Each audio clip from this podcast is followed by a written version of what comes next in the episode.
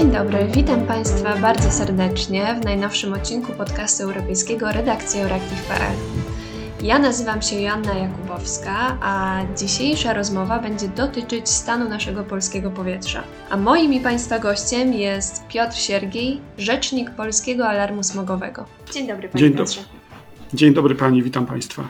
Mamy obecnie marzec, za oknem niestety wiosny wciąż brak. W związku z tym sezon grzewczy nadal trwa i pewnie jeszcze trochę potrwa. Zanim jednak przejdziemy do omawiania działań podejmowanych, aby walczyć ze smogiem, chciałabym Pana na początek zapytać, co tak naprawdę wpływa na fakt, że pośród tych 50 miast europejskich z najbardziej zanieczyszczonym powietrzem, aż, uwaga, 36 jest właśnie w Polsce. Słowo, które najczęściej słyszymy w tym kontekście, to te niesławne kopciuchy. Czy to jest jedyne źródło problemu?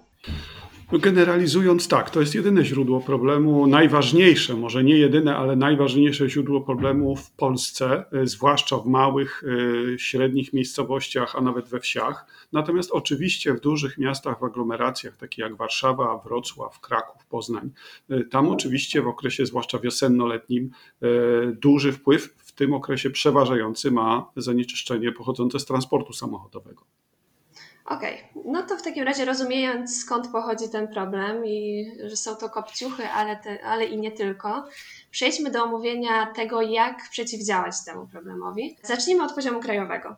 W 2018 mhm. roku po raz pierwszy przedstawiony został program Czyste Powietrze. Premier zapowiadał wymianę 3 milionów wspomnianych kopciuchów i wydatkowanie ponad 100 miliardów złotych na ocieplenie domów i wymianę kotłów. No i takie były zapowiedzi, ale jak to wygląda po trzech latach? Jak wygląda realizacja tego programu? No ten program, e, rządowy program Czyste Powietrze, e, który, no, jak pani powiedziała, e, zapowiedziano środki w wysokości 103 miliardów złotych, jest w tej chwili na jednej czwartej swojego biegu. We wrześniu 2018 roku program się rozpoczął. Mamy dokładnie pierwszy kwartał, pierwszą ćwierć tego programu. No, powinniśmy być w tym momencie, patrząc na założenia premiera i założenia Narodowego Funduszu Ochrony Środowiska powinniśmy być blisko 750 tysięcy wniosków e, złożonych o ocieplenie domu i wymianę źródła ciepła. Tymczasem e, złożono do tej pory już trochę ponad 200 tysięcy wniosków, czyli jeśli chodzi o wypełnione wnioski, to nawet nie jesteśmy w jednej trzeciej planu wykonanego na tę jedną czwartą programu. A jeśli chodzi o zakończone inwestycje, no to zaledwie 70 tysięcy domów ocieplono i wymieniono źródło ciepła. Czyli jeśli chodzi o wykonanie y, inwestycji, zakończenie tych inwestycji, no to tutaj to nawet nie jest 10% planu na obecny okres. Czyli widać, że ten program, y, który zapowiadano jako remedium na polski smog, y, i dosyć słusznie, bo jeżeli zlikwidujemy 3 miliony kopciuchów, to ta połowa polskiego zanieczyszczenia powietrza e, polskiego zostaje no, zlikwidowana, wyłączona, no to ten program działa w bardzo ograniczonym stopniu w tej chwili. Czyli e, podsumowując, nie jest dobrze i jeszcze jest sporo do zrobienia w tej kwestii. A ciekawa jestem, czy jakikolwiek wpływ na tą sytuację ma um, Krajowy Plan Odbudowy, którego konsultacje dopiero co ruszyły. Wiem, że jest on krytykowany za małą transparentność, może niewiele póki co wiadomo, ale to, co wiadomo, to to, że ponad 3 miliardy euro mają pójść właśnie na program Czyste Powietrze. I tu pytanie do Pana, czy są znane Panu może większe szczegóły, jak zostaną wykorzystane te środki? No i jeszcze teraz my nie znamy żadnych szczegółów w tej chwili, jak te pieniądze zostaną, jak te środki zostaną rozdysponowane. Mm, takimi sygnałami, którymi można by przypuszczać pewne przynajmniej y, założenia, mm, to jest y, opinia czy też wywiad z y, Bartłomiejem Orłem, który jest pełnomocnikiem do spraw programu Czyste Powietrze przy premierze. I on ostatnio w wywiadzie powiedział, że E, jego zdaniem dotowanie dopłaty kotłów na kotły węglowe powinno być wycofane. Mm, to znaczy, bo, bo, teraz program Czyste Powietrze to jest program, w którym jeżeli zlikwidujemy kopciucha, ten pozaklasowy kocioł na węgiel czy drewno, możemy wystąpić o dotację na kocioł gazowy, na pompę ciepła, ale również na kocioł węglowy, ten nowoczesny, tak zwany zasypowy, piątej klasy czy ekoprojekt. Mm, mamy Y, ogłoszoną niedawno politykę energetyczną państwa, która mówi, że już niedługo, no raptem za 9 lat, w 2030 roku, w polskich miastach nie będzie można palić węglem. W 2040 roku nie będzie można palić węglem w miastach i wsiach. No więc wyobraźmy sobie teraz, że ktoś z programu Czyste Powietrze, z dotacji rządowych, z dotacji budżetowych kupuje sobie kocioł na węgiel i oto dowiaduje się, że za 7, 8, 6 lat będzie musiał zezłomować ten kocioł, bo on się stanie nielegalnym źródłem ciepła, zgodnie z polityką energetyczną państwa. Więc tutaj to jest trochę, no to jest zły pomysł, bo to jest marnowanie pieniędzy budżetowych na źródła ciepła, które już niedługo ten sam rząd mówi, że będą zlikwidowane, bo mamy program y, politykę energetyczną państwa. Więc tutaj sygnałem takim y, na to, że być może zajdzie zmiana w programie Czyste Powietrze, jest właśnie opinia rzecznika, opinia mm, pełnomocnika do spraw programu Czyste Powietrze. Mhm. Czyli widać sprzeczności, ale nadzieja jeszcze jakaś jest, tak? No zobaczymy. Czekamy na nową zobaczymy, iterację czekamy. tego programu. Zobaczymy, jak ogłoszone zostaną nowe zasady i wtedy będziemy mogli powiedzieć, że to się pojawiło.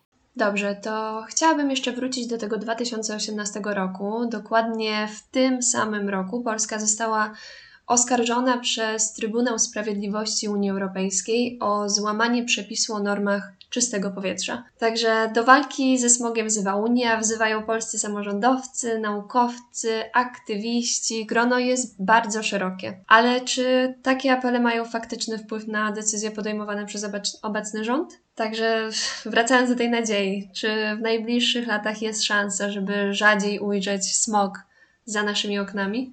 Znaczy ja taką nadzieję mam. E, nie wiem na ile, na ile działania e, rządowe pójdą w tę stronę. Wydaje mi się, że raczej tak, ponieważ e, ta polityka rządu w tej chwili zaczęła troszeczkę przekierowywać się w stronę odejścia od ogrzewania węglem w Polsce, więc być może jest na to szansa.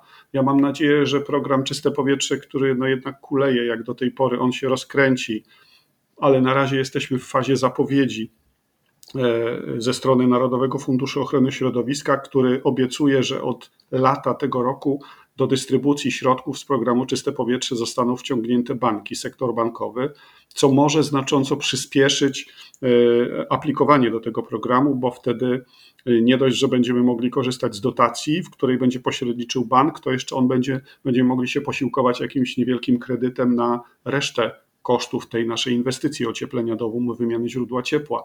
No dobrym sygnałem jest również to, że rząd zdecydował się dofinansować gminy, które będą e, uczestniczyć w dystrybucji środków programu Czyste Powietrze, czyli tworzyć takie punkty, w których będzie można aplikować, takie stanowiska ekodoradców. E, I tutaj każda gmina ma otrzymać 30 e, tysięcy złotych rocznie za uczestnictwo w tym programie, więc no, jest trochę dobrych sygnałów, ale no, ja będę polegał na tym, co rzeczywiście się pojawi e, w tym programie, kiedy wreszcie będzie można to zobaczyć, bo w tej chwili jesteśmy e, w fazie obietnic. Współpraca z gminami no, wygląda na to, że została już dopięta, natomiast sektor bankowy wciąż nie jest włączony.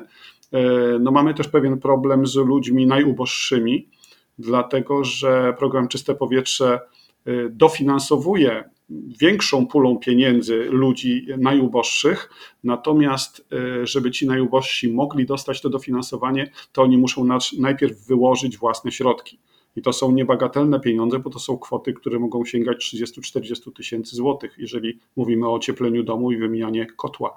No więc to trudno mi sobie wyobrazić. można, nie mogłaby sobie pozwolić na coś takiego. No oczywiście, więc trudno mi sobie wyobrazić osobę, osobę naprawdę ubogą, o niewielkich przychodach miesięcznych, że ma gdzieś y, w banku schowane, no, zaoszczędzone 30-40 tysięcy złotych po to, żeby je wyłożyć i potem sobie odebrać dużą część tej kwoty z dofinansowania. Więc tutaj też jest pewien problem. Będzie to poważne poważny problem, który będzie musiał e, Narodowy Fundusz jakoś rozwikłać. E, no bo w, wyobraźmy sobie sytuację, w której bardzo wielu ludzi będzie aplikować do programu Czyste Powietrze i będą, ci to, będą to ci ludzie z średniego segmentu zamożności, będą to ludzie bardziej zaradni, bardziej energiczni. E, natomiast pod koniec działania tego programu zostanie no, ten wysoko wiszący owoc do zerwania, czyli ci ludzie, którzy mają największe problemy z aplikowaniem. I wtedy trzeba będzie, no wtedy, no można by w trakcie tego programu już się zdecydować, jakie formy pomocy zastosować właśnie dla tych osób.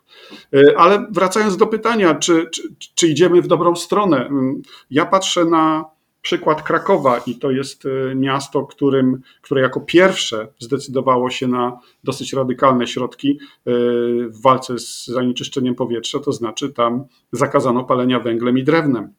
E, no i mamy już wyniki badań, które mówią o tym, że w ciągu ostatnich siedmiu lat jakość powietrza w Krakowie poprawiła się o ponad 40%.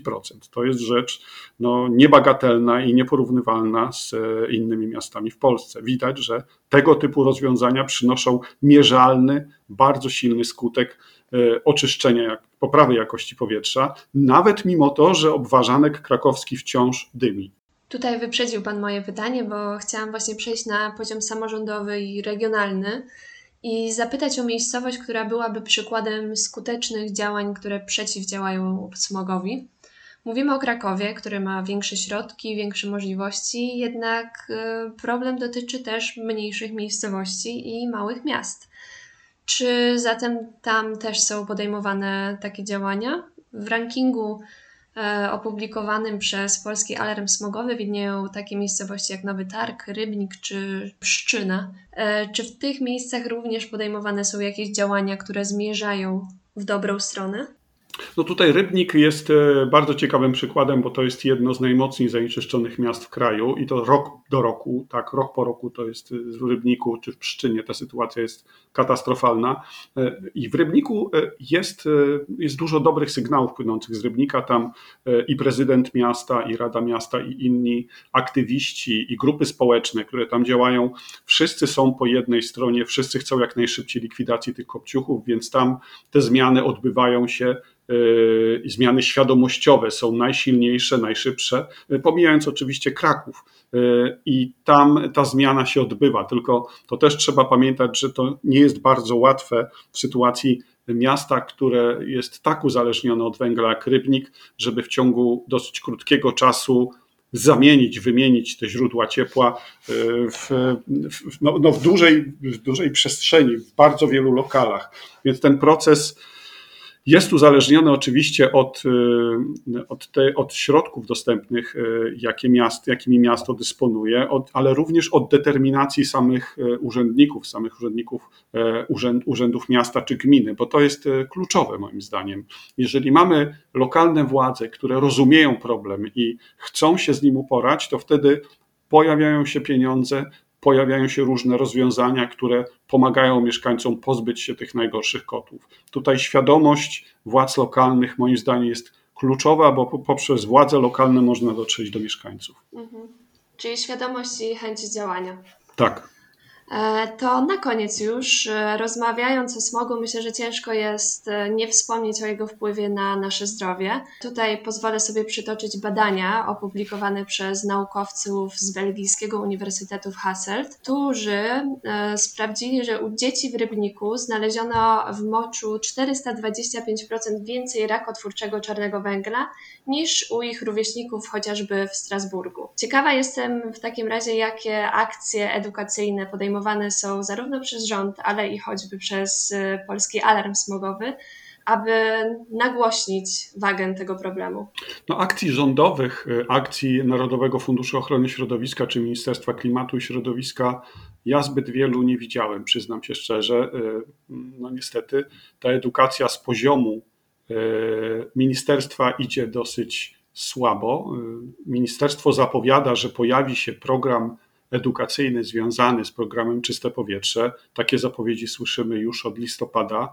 No zobaczymy, kiedy ten program edukacyjny, program informacyjny się rozkręci. No bo przyznam się, że to jest trochę dziwne, jeżeli ministerstwo zapowiada, czy tworzy program dotacyjny y, potężny, 103 miliardy złotych i nie tworzy programu informacyjnego z, tym, powiązanego z tym programem dotacyjnym, to coś tu jest nie tak. Ja tego nie rozumiem. To przecież środki na taką kampanię informacyjną są minimalne w porównaniu z tymi 103 miliardami zadeklarowanymi na wymianę kotów i ocieplenie domów. Więc tu liczę, że Ministerstwo i Narodowy Fundusz się poprawią, jeśli chodzi o kampanię edukacyjną. Polski Alarm Smogowy no, robi w miarę swoich skromnych środków to, co potrafi. My mamy w tym sezonie grzewczym E, dwie kampanie pomiarowe. Mierzyliśmy jakość powietrza w e, Małopolsce, mierzyliśmy jakość powietrza w ośmiu miastach e, w obwarzanku warszawskim, dowodząc, że jakość powietrza w tych miejscowościach wokół Warszawy niejednokrotnie jest dużo gorsza niż w samej Warszawie. Prowadziliśmy akcję taką, w której w 24 polskich miastach pojawiły się instalacje antysmogowe, które my zakupiliśmy i które prze, prze, przemieszczaliśmy z miasta do miasta. Te instalacje polegały na tym, że na przyczepce samochodowej ustawiony był model ludzkich płuc, y, taki duży model wielkości 2-3 metrów, y, który to powleczony był białą, przepuszczalną tkaniną, przez którą tłoczone było powietrze, czyli te płuca niejako oddychały. Przez te płuca przepływało powietrze, a to, co w powietrzu się znajdowało, czyli zanieczyszczenia, osiadały na tej białej materii. Dwa tygodnie w każdej z tych miejscowości ta materia z białego, śnieżnego koloru przechodziła w szarości, grafity i dochodziła do czarnego koloru. To była bardzo dobra kampania edukacyjna, ponieważ bardzo wielu ludzi, tak przechodząc na co dzień koło tych płuc, obserwowało ich zaczernienie. E, I to pokazywało, że to, co na tych instalacjach osiada, osiada również w płucach przechodniów, którzy obok tych tak, płuc to, chodzą. To myślę, że w bardzo fajny sposób działa e, na wyobraźnię mhm. co się dzieje w środku, w naszych płucach. Tak, tak. Dobrze, na tym w takim razie skończymy. E, serdecznie Państwa zachęcam do zapoznania się z akcją Polskiego Alarmu Smogowego, bo naprawdę robi e, ona spore wrażenie. A moim i Państwa gościem był Piotr Siergiej, rzecznik właśnie Polskiego Alarmu Smogowego. Dziękuję Panu bardzo. Dziękuję również, do usłyszenia. Zachęcam Państwa do słuchania podcastu europejskiego redakcji Euractiv.pl, który znajduje się na platformach Spotify, SoundCloud, Apple Podcast, Google Podcast i oczywiście na naszej stronie www.euractiv.pl. Do usłyszenia wkrótce.